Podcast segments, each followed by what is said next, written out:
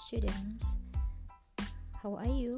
I hope uh, everybody in my class always still feel happy, feel healthy, and keep spirit okay. Well, in this lecture, uh, pada pertemuan ke-11 ini, saya akan uh, sedikit menjelaskan tentang Google Scholar, ya. Oh ya, pada pertemuan kali ini mungkin saya akan lebih banyak menggunakan bahasa Indonesia supaya tidak salah persepsi ya. Karena ini agak-agak penting dan kalau pakai bahasa Inggris saya khawatir nanti salah memahami ya.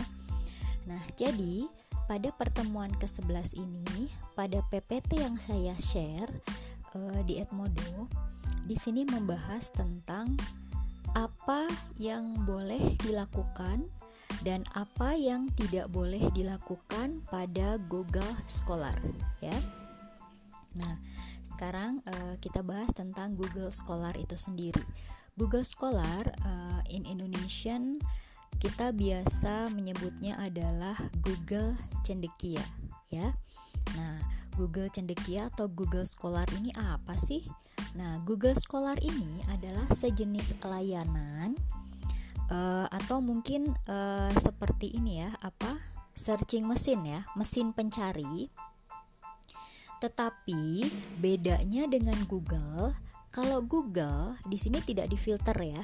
Jadi ketika kita mengetikkan kata-kata di Google misalkan informatics gitu ya. Nah, nanti akan muncul semua yang berkaitan dengan informatika ya. Tetapi kalau Google Scholar di sini uh, sudah terfilter dengan baik dalam arti ketika kita mengetikkan suatu istilah Nah, si mesin tersebut akan memfilter bahwa yang muncul nanti adalah segala sesuatu yang berkaitan dengan informatika tetapi yang sifatnya ilmiah gitu ya.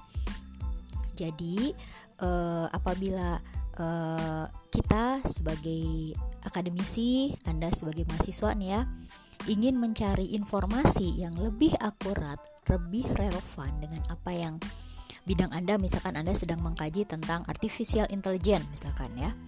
Nah, ketika Anda mencari di Google saja itu yang muncul akan banyak sekali dan bercampur tuh antara yang hoax dengan yang ilmiah Sedangkan yang kita butuhkan adalah yang ilmiah ya, yang bersifat saintifik. Berarti e, mengapa kita dianjurkan untuk menggunakan Google Scholar? Karena di Google Scholar kita bisa mencari misalkan jurnal jurnal-jurnal ilmiah, kemudian artikel-artikel, lalu apa namanya? e, buku, textbook dan hal-hal lain yang Anda butuhkan, informasi yang berkaitan dengan apa yang ingin Anda cari, tapi yang sifatnya ilmiah gitu ya. Misalkan Anda nanti skripsinya ingin bahas tentang misalkan uh, artificial intelligence ya. Nah, Anda pengen tahu tuh kira-kira dari kurun waktu uh, oh ya, saya perlu ingatkan kembali nanti kalau Anda bikin skripsi di daftar pustaka itu uh, jurnal atau buku yang Anda gunakan, usahakan yang misal nih Anda lulusnya tahun 2022 nih. Anda harus cari buku yang paling tua tahunnya adalah 2022 dikurangin 10. Jadi nggak boleh tuh nanti Anda menuliskan daftar pustaka yang bukunya tahun 1982 atau misalkan tahun 1973. Nah, itu saya juga belum lahir gitu ya. Jadi eh, ketika Anda misalkan topiknya adalah artificial intelligence, anda harus mencari di Google Scholar, misal ya, ketik artificial intelligence, koma. Misalkan Anda cari yang lebih bagus lagi, misalkan yang lima tahun ke belakang ya. Misalkan 2022 dikurangin 5 tuh. Nah, Anda misalkan cari yang uh, artificial intelligence tahun 2018 misalkan ya. Nah, nanti akan muncul tuh beberapa jurnal atau tulisan dari akademisi yang tahun sekian. Nah, nanti Anda bisa pilih oh kira-kira uh, pada tahun 2018 itu orang sudah meneliti tentang artificial intelligence. Tapi kita cari dia lemahnya di mana ya? Kekurangannya apa ya? Nah oh kekurangannya ini akan saya tutup di penelitian saya. Gitu ya. Jadi Misal Anda sudah cari yang 2015, ah saya pengen cari yang 2016 bu, bisa Anda tinggal klik aja. Nanti akan keluar di situ jurnal, artikel ataupun textbook ataupun uh, tulisan-tulisan ilmiah yang berkenaan dengan artificial intelligence gitu ya. Nah terus satu lagi, uh, misal ya Bu, boleh nggak misalkan untuk karya ilmiah, untuk artikel ilmiah, saya sumbernya dari Wikipedia? Nah, nggak boleh ya.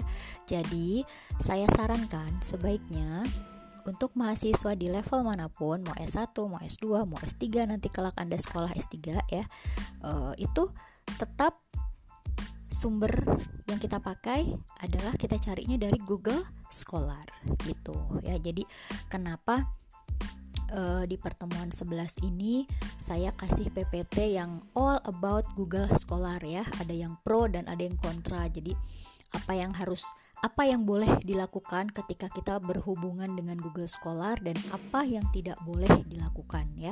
Jadi di sini si slide yang jumlahnya ada 48 slide ini bisa Anda buka. Di situ ada semacam tutorial guidance ya eh, cara-cara ketika Anda mulai membuka Google Scholar, kemudian mulai melakukan pencarian dan e, nanti akan ada e, beberapa informasi yang sekiranya misalkan e, ketika kita buka Google Scholar itu kita nggak boleh ngapain gitu ya. Nah jadi e, kurang lebihnya materi di PPT pertemuan 11 ini adalah all about Google Scholar ya. Jadi intinya tadi saya sudah memberikan uh, preambul bahwa apa sih bedanya Google Google aja dengan Google Scholar dan kenapa sih kita harus menggunakan Google Scholar dibandingkan dengan Google gitu ya karena itu tadi beda di filteringnya nah sekarang nanti Anda baca ya. Anda baca dan pahami PPT tentang Google Scholar ini. Nah nanti misalkan ada Eh, hal-hal uh, yang ingin anda tanyakan atau misalkan Bu saya belum paham tentang ini tentang ini. Nah Anda bisa uh, tanya via Japri atau uh, di grup ya. Oke? Jadi sekali lagi saya rangkum bahwa PPT pada pertemuan ke-11 ini adalah menjelaskan tentang Google Scholar yaitu sebuah layanan layanan atau mesin pencarian di mana ketika kita menggunakan Google Scholar itu apa yang akan kita cari sudah terfilter dengan baik dan sudah bersifat ilmiah ya. Jadi apabila nanti Anda mencari reference untuk uh, skripsi atau misalkan anda kan ada tugas ya, saya kasih tugas untuk bikin draft artikel ilmiah. Nah, itu lebih baik referensinya atau daftar pustakanya anda ambil dari Google Scholar ya. Jadi apabila Anda ketik di Google, pasti kan nanti kadang-kadang muncul tuh dari Wikipedia atau dari blog orang ya, blog-blog uh, orang uh, pribadi maksudnya. Itu jangan ya. Karena uh, blog kemudian Wikipedia itu tidak boleh dicantumkan sebagai daftar pustaka.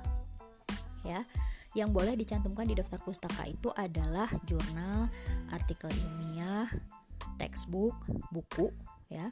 Tapi kalau blog kemudian web web dari orang misalkan nih saya bikin blog terus saya menuliskan asumsi di situ lalu asumsi saya oleh Anda dikutip di dalam tulisan Anda oh, itu nggak boleh ya itu uh, sama sekali tidak boleh jadi ketika Anda membuat uh, daftar pustaka atau reference untuk karya ilmiah uh, you should be take from Google Scholar gitu ya. Nah, di sini nanti juga dijelaskan apa yang sekiranya boleh Anda lakukan ketika uh, berhubungan dengan Google Scholar atau menggunakan Google Scholar dan apa yang tidak boleh dilakukan ya. Kemudian step-stepnya ketika kita melakukan pencarian dengan Google Scholar juga sudah dijelaskan atau dipaparkan di dalam PPT yang saya share nanti di Edmodo ya. Baik, uh, mungkin hanya itu pendahuluan dari saya tentang Google Scholar. Sekali lagi, apabila ada yang tidak uh, dipahami, Anda bisa tanya saya, ya. Oke, okay, see you next week. Uh, please tetap jaga kesehatan, jaga imun tetap happy nggak boleh sedih-sedih ya. Oke okay, see you then. Bye bye